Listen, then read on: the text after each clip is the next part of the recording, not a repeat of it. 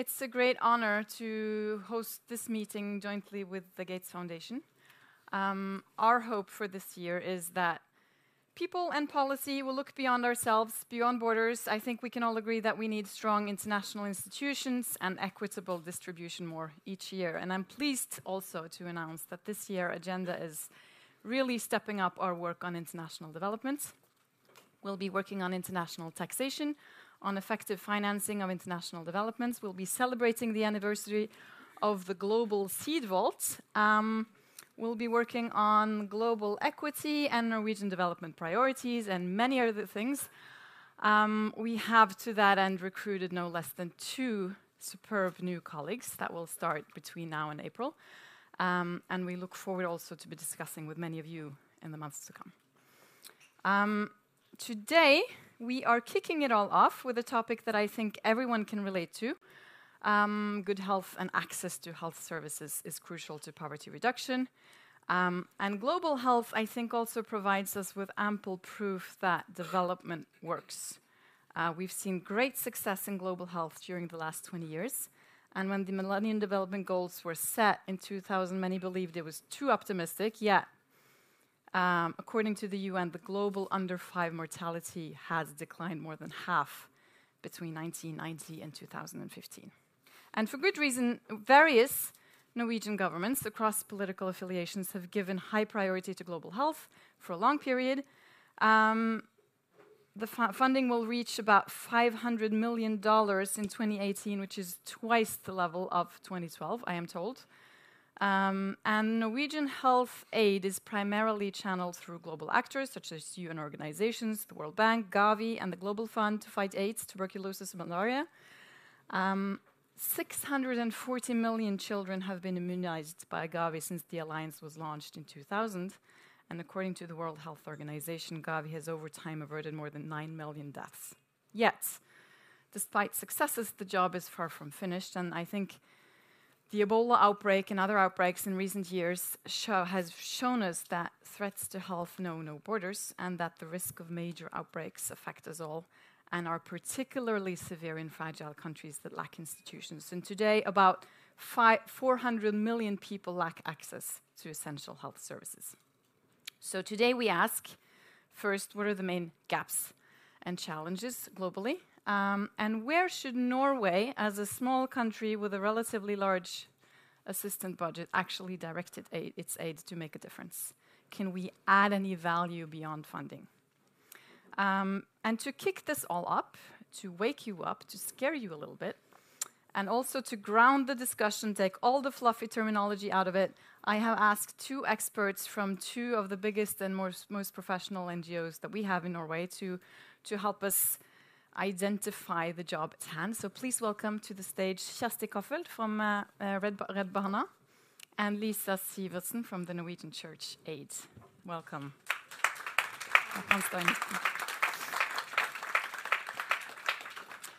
So I want to start with you, Lisa. I've asked uh, both of you to, to prepare sort of some main challenges and gaps and the most difficult things that we haven't fixed. Uh, and what are they? Um, uh, thank you for inviting us. And uh, even though it's early and cold, we have coffee, and I'm really happy to be here and discuss this uh, important issue that has a huge impact uh, on so many people. So um, I think uh, many of you will agree with me that the biggest challenge that we see, uh, and the one that creates the biggest gaps, is inequality. The fact that who you are, where you live, what gender you have, who's, who your family is, um, what kind of ethnic or religious identity you have, largely actually dictates what kind of health services you get. Um, this is well documented by um, the WHO, the World Bank, UNDP, and it should not be underestimated by anyone, I think. Uh, we simply cannot meet the SDG on health uh, without interlinking the interventions with the efforts on the SDG on inequality. Could I give you just a really brief example? Yes, please. I've been working on health uh, services in uh, Rwanda, uh, where they have this excellent program. They actually target the uh, poorest individuals and households to provide uh, free, um, uh, cost-free health services. You just need to have this ID card, uh, and you can actually go to the nearest clinic and get uh, free health services. Problem was people didn't. Uh, there were some sort of communities and households that did not do this, even though this is a really good, I think, good policy. Um, so we looked into why, and we discovered two things, and this was very sensitive and very difficult to talk about. First thing was uh, a lot of these communities and individuals could not afford uh, to take the photo to get the identity card. Uh, and the second was that they were also really scared of being harassed at a health clinic because of uh, this was a, uh, these were some of the groups that had been uh, discriminated against earlier. So you know this is really basic, but I think unless you have the political will, uh, the money, uh, and you do the, the normative work as well that you need to actually reach out to these people with designated, targeted interventions, we will never be able to reach them. Thank you. Uh, Kjersti? Um, thanks for welcome or for being here and, and welcome all of you also. But I think what you're pointing to is really key, that we really need to think about inequality in this. And I think that's one of the main issues that we saw lagging behind from the MDG area is how do we work with health system strengthening? And I think that's my first point and challenge uh, to the international community, really, that we know, um, and there is this concern that the MDG goals really led to uh, creating silos that overlook the broader needs of stronger health systems. And given the reliance on many poor countries on aid, that uh, has helped to make health systems fragmented. So, uh, for instance, my colleagues in Malawi, they tell me how support from the Global Fund uh, to fight AIDS, malaria, and TB has led to setting up parallel data systems within the health sector. So you would actually have one section of the Ministry of Health um, using one system of data collection uh, with these global fund uh, money from the global fund to collect data on HIV indicators, while um, at the same time, these same facilities where they collect these indicators, they use a different data system to collect other uh, indicators on maternal, newborn, and child health. That's, that's an issue. And I think uh, just rightly what you pointed to with the Ebola outbreak in 2014 and 2015, it really clearly showed us how dramatic the consequences of weak health systems can be. And um, there is a broad agreement that the Ebola crisis was not quickly uh, contained, reversed, or mitigated because the national health systems in these countries were dangerously under resourced, understaffed, and poorly equipped. But I think the key thing to keep in mind with this is that this inability to cope with a major epidemic outbreak also reflect a similar inability to cope with the daily health needs of the population in these countries. And then when you think about the fact that there are still 6 million children dying, or nearly 6 million children dying every year of uh, preventable causes, um, and of these children, nearly half of them die within the first month of life. And if we are going to prevent these deaths, what we need to do is really require that every birth is to be supported by good quality healthcare. So, um, further progress in reducing child mortality will require stronger health systems, and vaccines alone won't do that.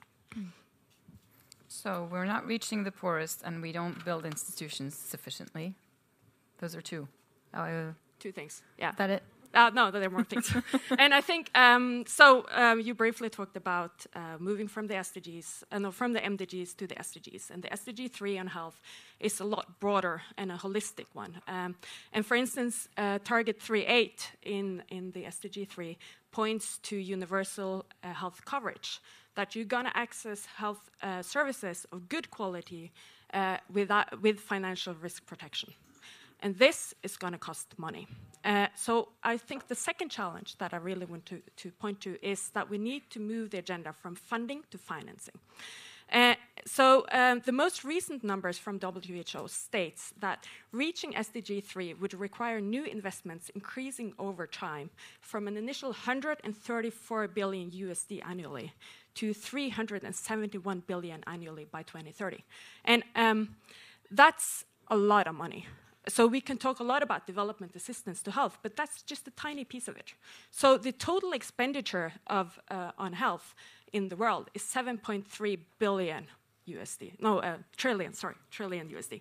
And of that, it's only 0.3%, which is actually 8.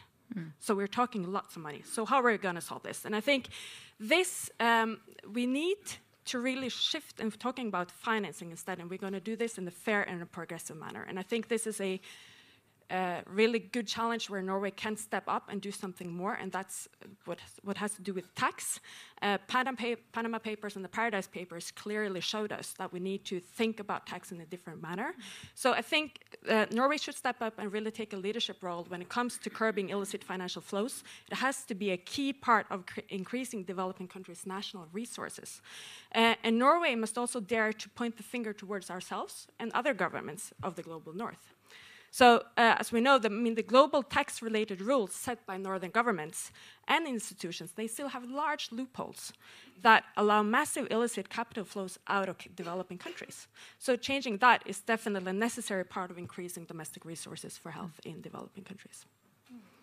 Thank you.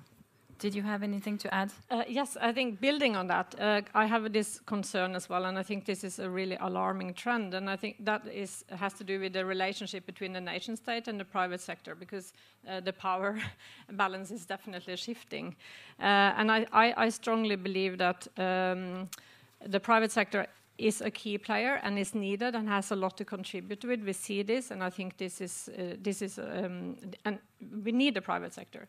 Uh, but I also strongly believe that the, the, state should be the primary provider of health services and the one that is responsible to, uh, for building these uh, health systems that we need uh, financed uh, sustainable, sustainably.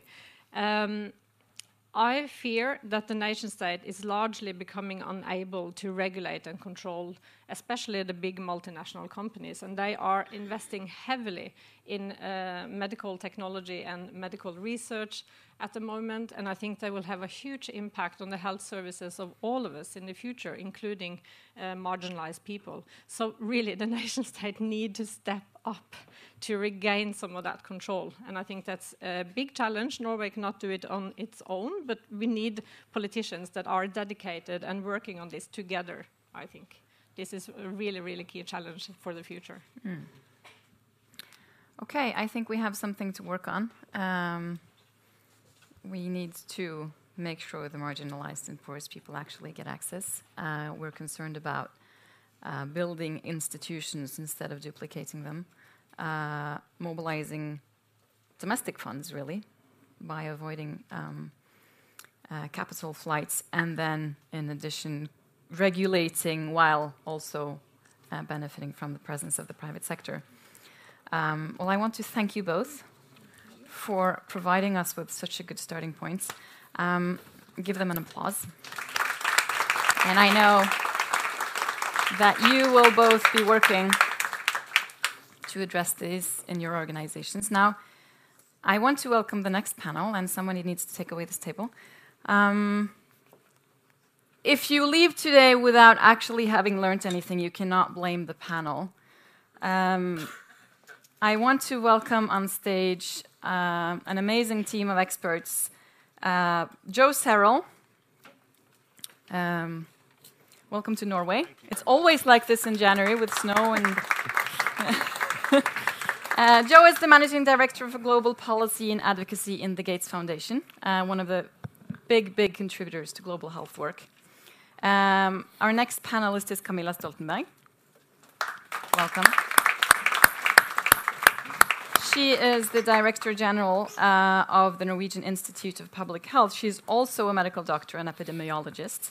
Um, and the Norwegian Institute of Public Health works globally because health is a global issue. They have a number of projects and programs where they help build institutions uh, in middle and low income countries.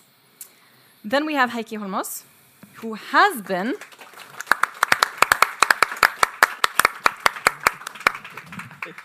Minister of Development in Norway. He knows all there is to know about what a Minister of Development can do and cannot do.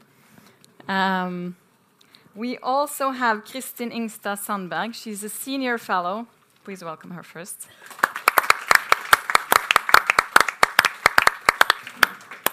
She's a senior research fellow at the, at the Fridtjof Nansen Institute, where she studies global health governance, its interfaces with national politics, the emergence of international health as a foreign policy issue, and institutional design and effectiveness of global health institutions. And last but not least, Paul Fife. He is uh, the Director of Global Health and Education in NORAD.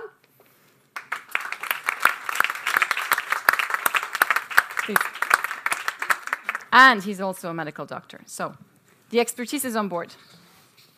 Um, I want to start, and I think all uh, discussions on international development should start with what works um, and, and, and what we've actually achieved. Um, and maybe you can start, Kristin, by maybe giving us the good news. What's, uh, what's the good news about global health?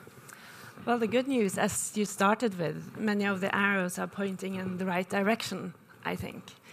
And the other good news I want to mention is that I think over the past maybe 20 to 15 years, the world has come to terms with, uh, or the, the global health community has come to terms with, that we don't have to wait until we have solved the equity issues in countries before we start tackling the equity issues globally. So, meaning we can both uh, work on health system strengthening and ensure that we lessen the gap between what, for instance, children in our part of the world have access to and children in East Africa have access to. So we're seeing that now, for instance, with uh, cancer medicines coming on national um, essential medicines lists in the global south. I think that signifies that's good news. And I want to jump to, since this is about Norway's role in global health. So, what's the good news for Norway? I think um, building over the past 20 years, what we are hearing outside Norway is that Norway has really achieved a lead position in global health internationally, among countries, among other actors, uh, including the big foundations. Um, and I think taking a leadership role, what does that signify? It has been specifically on developing uh, new approaches to solving global health problems. And, and with new approaches, um, we are looking at issues that really are too complex for any actor to tackle on its own. And examples of, of, of such approaches are initially Gavi was that approach. Um, uh, Unitaid was that kind of approach. Uh, in the last few years, CEPI signifies that kind of approach. Um, to the point now where we hear that Norway has become a necessary actor to get things moving and maybe perhaps the press conference uh, at the White House yesterday. For the, I don't know if it's happened before that actually now the U.S. is following Norwegian lead on an important policy issue, which is actually the case. Um, and so, um, so the the approaches. I think we're really looking at some new models for handling what you talked initially about. The transformation of the health sector, right? Is coming with the private sector. You know, there are some real challenges that are ahead of us in terms of tackling how do we deal with this sort of biotechnological revolution that's sort of upon us right now. And the Norwegian role, which has not just been to pour funding into the system, which it has also does, but it has to do with, again, what we're hearing outside, that has to do with uh, being, being uh, this neutral broker being a convener, being even a moral authority in bringing div a diverse set of actors together. Um, I believe that can, is useful now, and it can become quite useful in the future. So it's it's good news, I think. Uh, thank you. Well, Joe, since you're uh, part of the success stories some were mentioning, um, what would you say are the biggest achievements, and, and how we have we learned from past mistakes uh, in the work that we do on global health? Well, uh, first, I think I should just want to acknowledge again, as, uh, as you did, it's really impressive at 8 in the morning to see so many people gathered around the issue of global health on, on a day where the weather isn't that uh, great, although I really enjoy it. Um, it it's very impressive. And, and, in terms of mistakes uh, as well, I, I, realized for years um, uh, I've been calling Paul Fife, Paul Fife, who outside of this room is known in the global health and development world as Paul Fife. Uh, so it's good to come to Norway and get your pronunciation. Maybe I got it wrong. I, don't, I, don't, know. Probably not. Um, look, I, maybe we'll start with an anecdote. Um, Paul and I happened to be in uh, one of the highlights of my year last year was uh, traveling to Mozambique uh, for a meeting of the investment committee of the Global Financing Facility. Uh, and I, it was about 10 years uh, previously that I had a chance to, to travel to, to Mozambique. And there we had some really great uh, conversations at the time, and Mozambique had an ambitious agenda to really invest in, in global health and work in a new way with some of the development actors. Uh, and I remember some of the conversations at the time. There was a, a, a meeting that Canada convened with a lot of the uh, big donors that were working in, in, Mozambique. And there was, there was a strong sense that um, much of those uh, donors should be better coordinated, that we were hearing from the Ministry of Health at, uh, in, in, Mozambique, who was complaining that the, the, the, monitoring and evaluation alone was, was taxing uh, her staff to the point that they really couldn't focus as much as they want on, on patients and on, on some of the outcomes. They were so busy on the administrative side of things. They wanted a, a national plan that really reflected their needs and not uh, just responding to the, the whims and the desires of, of donors. They wanted to crowd in additional private sector capital. Uh, they wanted to access and, and leverage more of the uh, financing they're receiving from the World Bank um, to, to, program it into uh, to health. Fast forward 10 years later, uh, and I think this illustrates the, the point I was going to make on both the macro story, which is, I think, a very good one, but also Norway's role in that. And that's you have a, a new mechanism called the Global Financing Facility that Norway helped incubate and has been a, a, big champion, and now others, other donors, seeing the wisdom of, of this, have come, in, come on board. And back into to Mozambique, we have now, and we had these presentations from a number of different health ministers who say there is an increased uh, um, uh, frequency of, of donors programming against one national health plan. There is uh, an ability to crowd in private capital. Uh, there, we're seeing, I think, an, an, immense amount of progress. Sometimes it's not as fast as, as, as what we'd like, but I, I, think the statistics that you started with in the beginning, the fact that we've halved under five child mortality uh, since 1990, uh, immunization, and, and, uh, again, one of the, the, uh, the principal mechanisms that has really helped both increase routine immunization but introduce uh, new vaccines as well, Gavi has helped to save millions of, of lives. Uh, and we see it under in, in many um, uh, other uh, measurements as well, whether it's uh, malaria and the near two thirds reduction in, in, malaria deaths uh, since the, the, the, MDGs. I think we're seeing progress. And people do forget that, that progress. We're all anxious to, to do more. And I think it, it's great to be critical. Uh, but let's not forget the, the progress that, that, that we have seen. I think um, sometimes good news is harder to appreciate than bad news. Uh, Bill Gates wrote in Time magazine uh, this month about the phenomenon of sometimes when you see a building that's uh, burning, people will rush to go report that. A story that less buildings burned last year is not a very compelling story, so you don't tend to, to read and see about it. So I, I, I do think there's a lot of progress. Sometimes it's difficult to, uh, to really appreciate and take stock of it. Mm. Thank you. I, I want to, um, now that we've had the uh, positive outlook, to go into one of the issues that uh, were raised by the former panel, the, the bottom 400 million uh, that are not accessing health services. Um, and maybe turn to you, Camilla. What's, what can we do to reach out to the poorest that we're not doing? Well, I think thank you uh, for inviting us. Now I actually think we have very good weather today, so I'm amazed that people are here. They're, they're not out skiing already.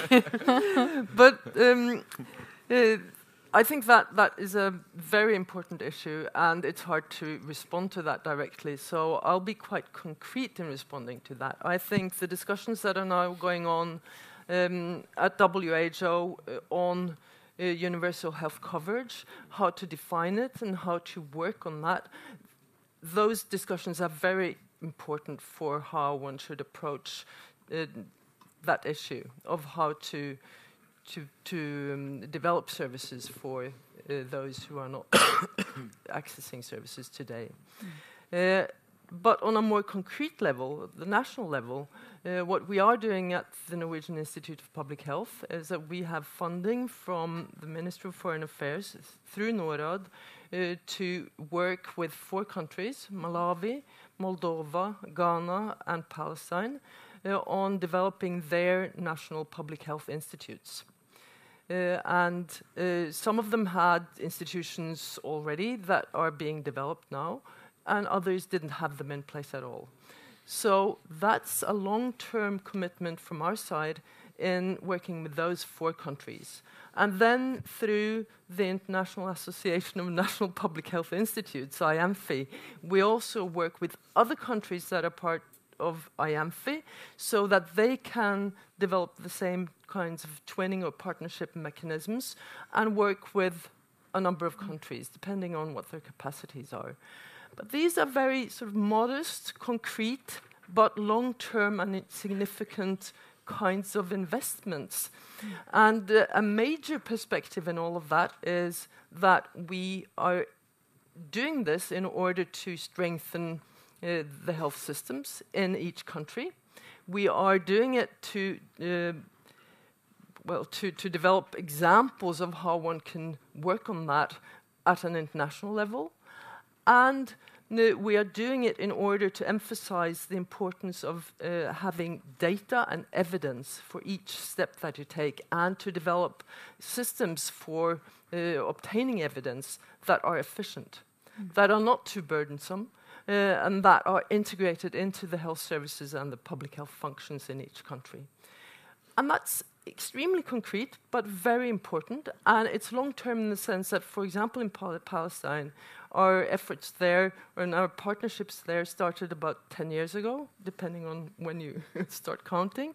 But at least since 2012, we've been working on this, and it is going forward, but sometimes it goes to the side and it stops, and, and it's very difficult with lots of hurdles along the road. But when we look back to 2012 or 10 years back, there are significant achievements, and it is a major success, in fact. Mm. And I think we need to uh, promote those successes and, and tell the world about them, not only Norway. I don't think they're sufficiently well known in Norway, and I definitely don't think they're sufficiently well known internationally, although uh, it was uh, a big moment to hear President Trump say yesterday that. Uh, the US is working with Norway on health and health security uh, and on vaccine development and health prevention or disease prevention. That is I, I, don't know amazing. what it, it is amazing. so I think we're here all to celebrate that statement, actually, from the press conference last night. That's an optimistic assessment of the press conference.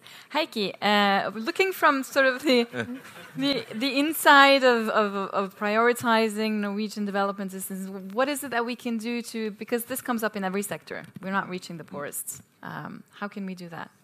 Okay, just start out by saying that uh, one of the amazing things that I think uh, we're working with uh, with people in Norway and working with Bill and Melinda um, uh, Gates Foundation um, I think one of the amazing things that you learn is that if you have a combination of political will, uh, a strong bureaucracy, uh, and also uh, flexibility and money to fund what you're doing, you are able to play uh, a leadership role in whatever sector where there is an opportunity. And that, I think, is a starting point that if we, we see that uh, there, is, um, there is a lack of leadership in an area, there is an opportunity if you group these uh, three things together. But mm. all is necessary. I mean, like, you can come there with, uh, with good bureaucracy and no political will, and you will fail. Right? That's, uh, that's fundamental, and the same if you lack the, uh, lack the money. So I think that the combination here is, is vital, and that's, uh, that's something that is important to remember. But the most important takeaway point is, uh, from my perspective, has been for all the, the years that I've been working with these issues, has been that inequality is the major, uh, what do you say, barrier to, uh, to the progress that we are making. Uh, why am I saying that? Well, if you look at the Human Development Report, like the latest one, they say that 22% of all we achieve is lost due to increased in, uh, inequality. Mm. Because there is an inequality, increased inequality, maybe not between uh, on, on the world as a whole. Different reports show different things here, but it's definitely happening in, in, in, uh, in the individual countries. Mm. Now, since, since you're in Norway, I'd, I'd like to say, what does this mean in Norway, where actually inequality plays the least role in decreasing uh, the uh, human development that is uh, actually present? Well, it means that right across the river, Grünerløkka bydel, uh, over the river, uh, in the uh, city area of Grünerløkka, there is a life expectancy of, uh, or Sagene, there is a life expectancy of nine years shorter than it is in the western part of, uh, of town for men. And it means that even though there is a progress in the years of 2008 to 2011 of increased um, uh, life expectancy, it was actually going down for men in Grünerløkka bydel, just across the river, uh, like a couple of hundred meters over, over here. And that's, uh, uh, that, is, that just shows how inequality and what can you say the, the political nature of, uh, of health differences uh, plays, uh, plays a role and, and actually what kind of community you grow up in and what your background is plays an important role uh, to determine your, your health. Now, how do we, um, what does this mean to our policy making? Well, it means a couple of things. It means that, uh, that universality has to be core and key to any uh, healthcare system that you develop. And it's just like, uh, just like uh, the NGOs mentioned be, uh, be, uh, at the start of the meeting. If you don't have a political approach to developing a healthcare system that actually reaches those who are most marginalized, then it's not, a, it's not going to work and it, we're not going to achieve what we want to achieve. So starting out by saying we'll take 10 more percent and 10 more percent is not sufficient if you don't start by saying that we need a universal system that addresses the, uh, the uh, 10 most vulnerable percent. And this is, uh, I imagine, the same as, as you are saying with the approach that the WHO is, is taking. So that's, that's one thing that is important. And the other is that you have to address inequality in the system at the same time as you develop the inequality in the country. Because if you look at, for instance, countries like Nigeria, Angola, Tanzania, where there is a nearly 40% loss of human development and also on, on the health side due to inequality, uh, these are also countries that where, where money is accessible in the country, mm. but uh, where the growing inequality both leads to, uh, uh to decreased health for those who are most, uh, most vulnerable, uh, even though the money exists in the society. And, and that's why I say that it's so important that when you, when you work together with a country on developing a healthcare program, vaccines, building up primary healthcare systems, you have to have a strong responsibility from the country itself to back up with money and say and increase that backing up of, of money to make the system uh, sustainable in itself. And, and here I come, it's the, it's the last thing, because we've been working so strongly together on, on issues uh, like uh, contraception and, and in, in, in, uh, on uh, immunization. I think it's so important uh, to understand that to make a healthcare system sustainable, like our achievements for them to be sustainable, you need to put in place the last thing that is a primary healthcare system uh, that takes care of making the achievements sustainable. So if we only focus on the intervention, we will succeed now, but not succeed in the long run. Mm. And I think that the one from Norwegian perspective, I think that the evaluation that came from our Botswana, uh, uh, our, uh, our endeavors in Botswana, together with Botswana, shows very clearly that uh, our, the most success we had was going in on a long-term basis with a long saying that we are going to stay with you until you succeed, uh, be it on dental healthcare or, or be it on, on primary healthcare system, because then we were able to work together in a, in, a, in a way to get the systems in place. And I think that the evaluation also shows that that getting the primary healthcare system in place in a way based on their premises and based on, on their their national plans what uh, is, is, is what is the, the key success, uh, success story. And I can also say that we have actually one politician now in, in our, my party in parliament uh, who, uh, who grew up as part of that development program in Botswana. So he, he loves Botswana, of course, uh, and, uh, and says that, it, and it's so great to know that what you've been part of is something that is sustained. It doesn't, it doesn't would fall together uh, when you leave or, or, or, or, take away the funding. I think, thank you, and, and I think you moved us nicely into the second challenge that was raised, being institutions on the ground. Um, maybe asking you, Paul, is there a trade-off between wanting results that are measurable in terms of child mortality or HIV/AIDS or malaria on the one hand, and building lasting institutions on the other, where perhaps you won't see any results in 20, 30 years, mm. in your view? No, th thanks. I mean, first, I mean, some of the answers, or at least some opinions, um, on the past 15 years. Uh, we felt at NORAD the need actually to document, to just write down things from mm. 2000 to 2015. And, and very clearly, I mean, uh, uh, we are today in a totally different situation than in 2000. And in 2030, we're going again to be in a totally different situation than in, let's say, 2015 or 20, 2018. So, I mean, clearly there's, there's an evolution here. One thing about the global health community, which involves all of us and, and many more, is we have this, uh, shall we say, habit, perhaps culture, uh, of, uh, and Joe, what you said in terms of, and others not perhaps recognizing successes enough, because there's always, shall we say, a, a an intent to improve. And that, that creates healthy discussions. We're not always uh, in agreement, but extremely important here. Um, what we see as we move forward, and I think that's part of, of the narrative here, extreme successes. I mean, uh, the job is not finished. I mean, some people in this uh, room perhaps are not old enough to remember really the HIV and AIDS crisis.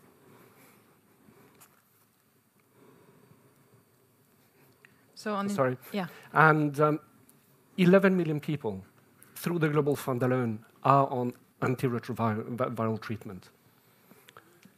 You cannot just stop it.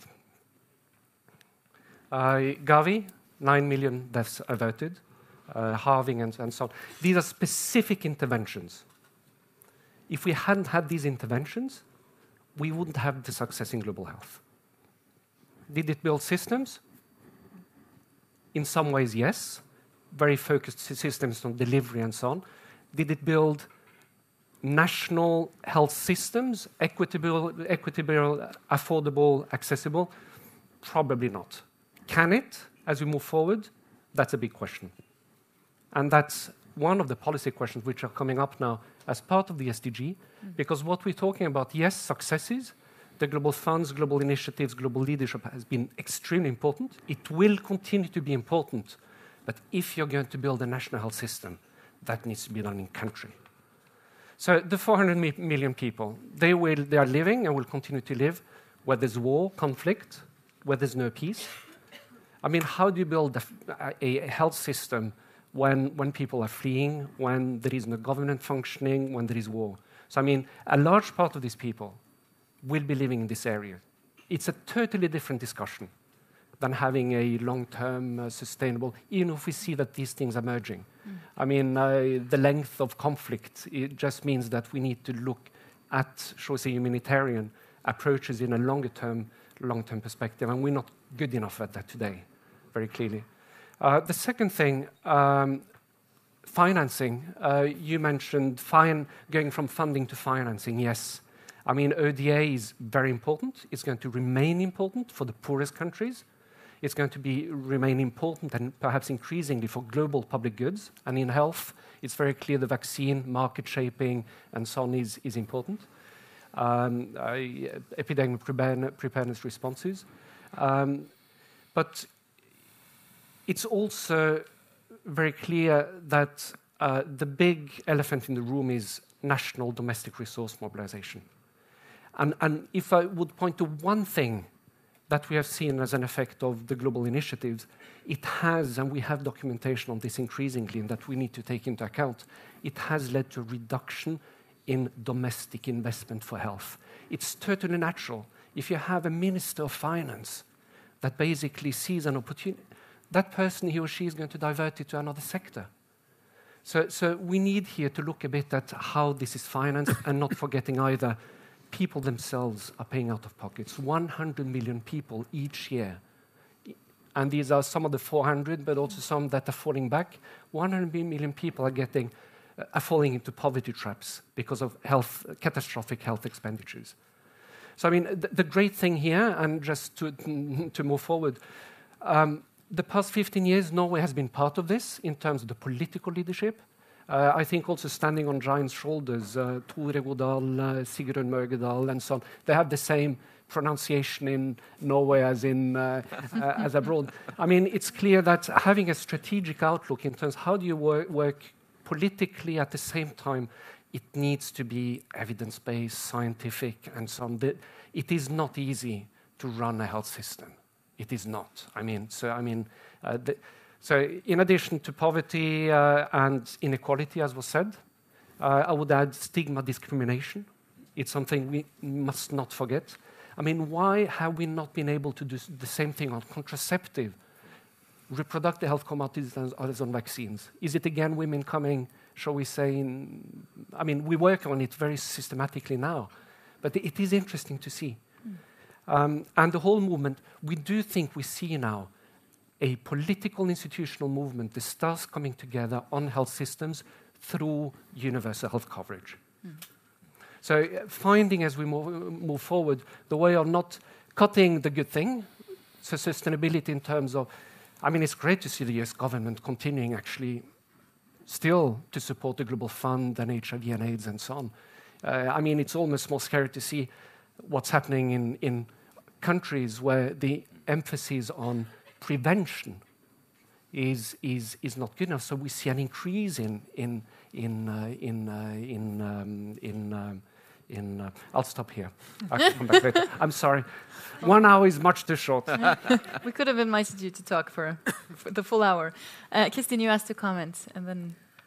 Yes, uh, I think um, I had a comment because I think it's important to remember when we talk about the success, and maybe we're a bit sort of on the success side in this panel, but it's important to remember that Gavi was definitely not a success the first five, six years that it was operating.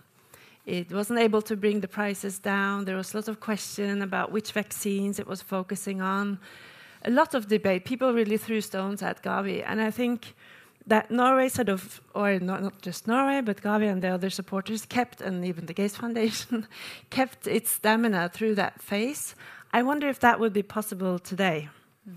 Uh, there is this culture of demonstrating results really quickly in order to justify uh, financing. And I do think it's becoming also harder, as you say, Paul, to think strategically, also as we have key individuals in Norway uh, reaching an, an, age where, where they will be doing less. Um, and also, except Paul, but not Paul. no, no. I think of the others. I yes. mean, people are going strong. I mean, it's. Yes, uh, that's yeah. true. That's true. Uh, but still, if you think 10 years ahead, and also I think an important point that we shouldn't forget here is that we're sort of the bottom billion today are not necessarily in the traditional recipient countries. They are in the large middle income countries. And how do we really sort of set the stage for the next 10 years mm. into that picture? Mm. I want to um, ask you, Joe, looking sort of from, from the outside. Um, in all these needs and on the on the back of all these successes, is there anything Norway can can do that's particularly useful um, in these challenges, beyond, of course, funding? Yeah, yes, and I would. A lot of it has to do with continuing to do what Norway has been doing. I, I think, as I mentioned, much of the successes that you can point to um, really have come from early investments in, in some of the institutions. Uh, those even with, with some startup troubles over, over the years, uh, but that have improved uh, certainly. Um, and I think to, to be a pathfinder and a trend spotter for, for some of the emerging threats that we have. And I think CEPI is, uh, is, is, a really good example of that. I would say that I, I'm very struck um, as as I go around and, and, and as the foundation works in, in, in the area of global health, but not just health, at how much um, leadership beyond the financial commitment comes with with uh, Norway's investment, and I would say that Norway plays an outsized uh, influence when it comes to helping to shape and, and improve some of the the mechanisms and institutions that we've talked about beyond the money, there is the representation on the governance and the boards of many of these institutions that help uh, those organizations to grow. The, the, white papers and the, and the emphasis that, that Norway places on, on policy research are hugely influential. They may not sort of, it may not appear to, that they see the light of day outside of, you know, of, uh, people that are really interested in that topic, but they are, they're incredibly useful in terms of helping organizations shape their future direction Uh, we have found that the representation at, at, the board level on many of these organizations is extraordinarily strong. And, and I think to continue pushing uh, on those things and those uh, efforts that work, but, but continuing to be a trend spotter uh, and, and finding those things and then using its influence to galvanize others, it's a great formula that, that, that really is working. And we're seeing a lot now. Um, I, I, can't overstate enough my enthusiasm for the Global Finance Facility as the, the third leg of the, the stool. If you think about Gavi uh, on immunization and the Global Fund on AIDS, TB, and, and, and malaria, the GFF coming in as finally a, a, a financial mechanism that will support maternal child health with an emphasis on country led health plans and health system strengthening. Mm. Thank you. I, I want to. Uh, you mentioned the stamina and sort of sticking with it when, even when results are not imminent. And and Camilla, you mentioned your work where you sort of, you know, it moves forward and then it all moves backwards and then it goes to the sides. How do you, how do you actually build institutions? Because it sounds nice and important, but what is it? Well, uh, I, there are others in this room that can tell you more about that uh, or in more detail. But first, you have to get to know people and the country, and you have to have a relationship with authorities and the government. Uh, and then you have to think about it as a true partnership. It's not something that mm. you go into a country and do. It's something that you develop together with people where you are actually supporting, negotiating, facilitating, not making decisions. Mm. But you can be extremely influential uh, in developing uh, how people think about a health system, what it is. But and you can also and you should also think about the sort of outside aspects and not only the health system itself, but what it requires to develop a health system. And I think that was beautifully explained by our first panel in the sense that you need taxation, you need regulation, you need a society that functions in other ways also to do this in the long term. Uh, but of course, you can always build some kind of system. Uh, but under certain conditions, when there's war and crisis, it's the humanitarian side of it but even that should be or should have a long-term perspective. It sort mm. of moves towards uh, building a health system. Mm. And also, you, you can provide the links with the international global level, with WHO and other institutions. And a last aspect that I would like to bring up is, of course, um, the, the whole issue about um, um, well, that it was uh, was explained as the relationship between the nation state and the private sector, mm. and that is a very complicated one, and it differs a lot between countries and over time. And I think that we need to develop concepts about how to deal with it, and both theoretically but also in practice, to see what what works, when is it good, and when does it not work, mm. when does um, when is the state too weak. What do we know about that, Kristin? When, when, when does institutional development work well, and um, and then Heikki after?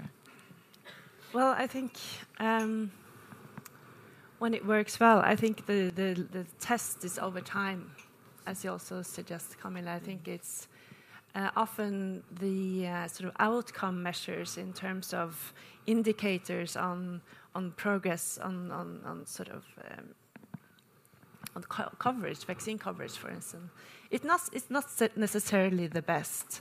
I think it's it's the commitment of stakeholders to that institution over time, which is probably the, the best test, I believe, for effectiveness when we talk about whether institutions are effective or not. Mm. Thank you. Yeah, two things. I, I think from from I, I, think in all evaluation reports that I've written from uh, read from uh, from NORAD, they they focus on a couple of things. They always say you need a long-term perspective in what you're doing. Uh, you need to have a presence, and you need to learn from what you've uh, done uh, right or wrong in, in uh, earlier. Mm. But, and all evaluations from NORAD said that we are too bad at being long-term, Uh, we, uh, and uh, we are too short term. Uh, we have too little presence, and uh, we do learn too little from uh, from what we've done right and wrong in the in the earlier set. And this this just shows me that uh, this just tells me that uh, that one a very good paper written by by a competing what think tank, Civita, um, on the on. I've never heard of that. never heard of that. No. Øyvind Who's now now going to be the the chair of the Rainforest Fund, uh, CEO of the Rainforest Foundation, shows that the way we've rigged uh, in uh, the Norwegian Development Corporation, right, the way we've rigged it, is in, a, in the absolutely most suboptimal way, uh, as a consequence of a compromise in the, in the last time we had a, a, a conservative government. Mm. So I think that the, the current uh, minister that has the responsibility for, for foreign policy and international development uh, should uh, do, do good uh, by saying that uh, having a uh, offentlig utvalg, NOU, make an NOU, on the like fast working NOU on how should we learn from other countries and our previous experiences in rigging our development co cooperations so we can get more long term uh, more learning from what we are, are, doing and get a greater presence at the places there, uh, uh, that we're actually operating. Because I think that would be a, that would be a good thing, and that would uh, set some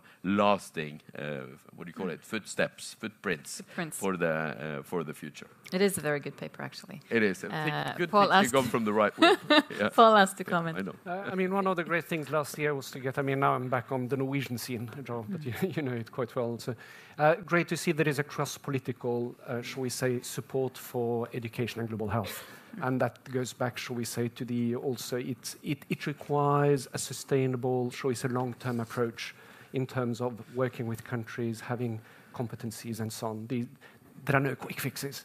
Um, uh, the second thing, the GFF, I mean, I totally agree with Joe in terms of GFF, and at the same time, sometimes I get, oh, GFF cannot be the response to everything. So, I mean, we, will have, uh, be it in February or March, a, a, meeting around the GFF, the Global Financing Facility. One of the great things with the Global Financing Facility, it's, it's really countries are speaking up in, in a different way than, than what we've heard in some of the other global institutions. And it ministries of finance, ministries of health, also other sectors which are getting involved. And it's really interesting and, and, and notching up the discourse on, on, on health uh, is, is, is really exciting to see now. So coming soon to a place near you. Um, the third thing uh, on capacity and, uh, and so on, I mean, we, we are I mean, not only NORAD, many of you people, so we have decades of experience on capacity building, training, I mean, a large part of ODA is being spent on this. We know that it's not working very well, and then sometimes it works really well. So, I mean, uh, what you said, Heikki, yes, these are the key points. If I would say, I mean, in terms of health, we need to be able, um, and also Camilla, yes, Norway has know how in health, uh, you know, health coverage and, and so on, in terms of working with countries. Um, it is not only a technical fix it, it, there is a political economy, and we know that we, we can create something for a few years and then it falls back quite quickly. So, I mean, this is not easy, and we need to work systematically on this. We are in NORAD, uh, thanks I mean, to, to, to, the government and the, the big support, uh, establishing this Kunnskapsbanken, the knowledge bank, uh, exactly to build on the successes we've seen in all for development, expanding to, uh, to renewable energy, uh, but also uh, in terms of scooping up or growing engagement in tax for development. Uh, statistics is part of that. gender is part of this. And, and see how can we, shall we say, become even better.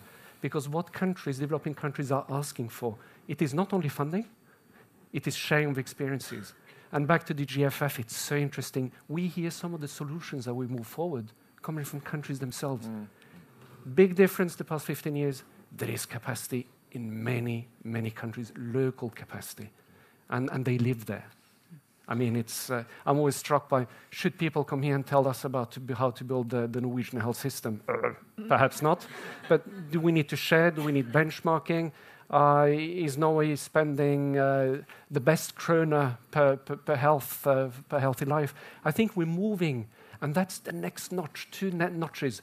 Cross-sectoral work is getting much more important. It's another ball game. Really value the partnership with National Institute of Public Health. And the second thing, we've gone from access in terms of uh, also averting death compared with the education sector, where it's difficult to measure whether, we say, long-term engagement is working. In health, you die or you survive. We're moving into the quality measure now. Mm.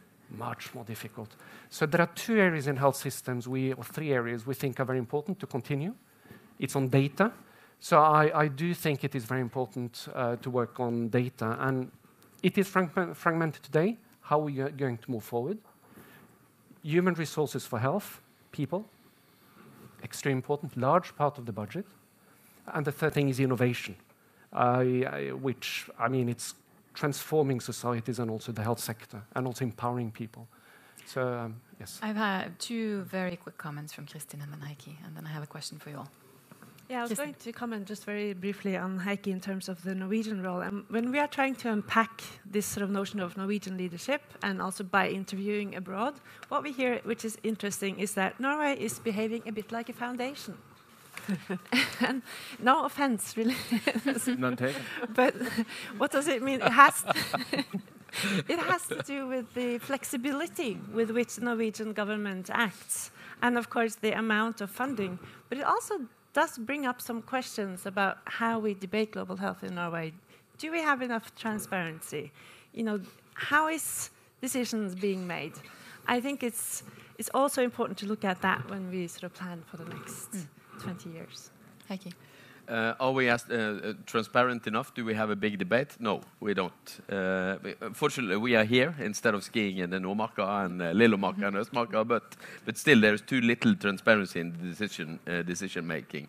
What that has given is the Minister of Development, being responsible for development, enormous flexibility in, uh, in, in making decisions that goes in, in different ways. So in, in a way, the, the lack of debate, if I can be as blunt, the lack of debate in the parliament on many of these issues, uh, other than being supportive in, uh, in us taking a leadership role, gives an enormous flexibility for Norway, you say, to behave as a foundation.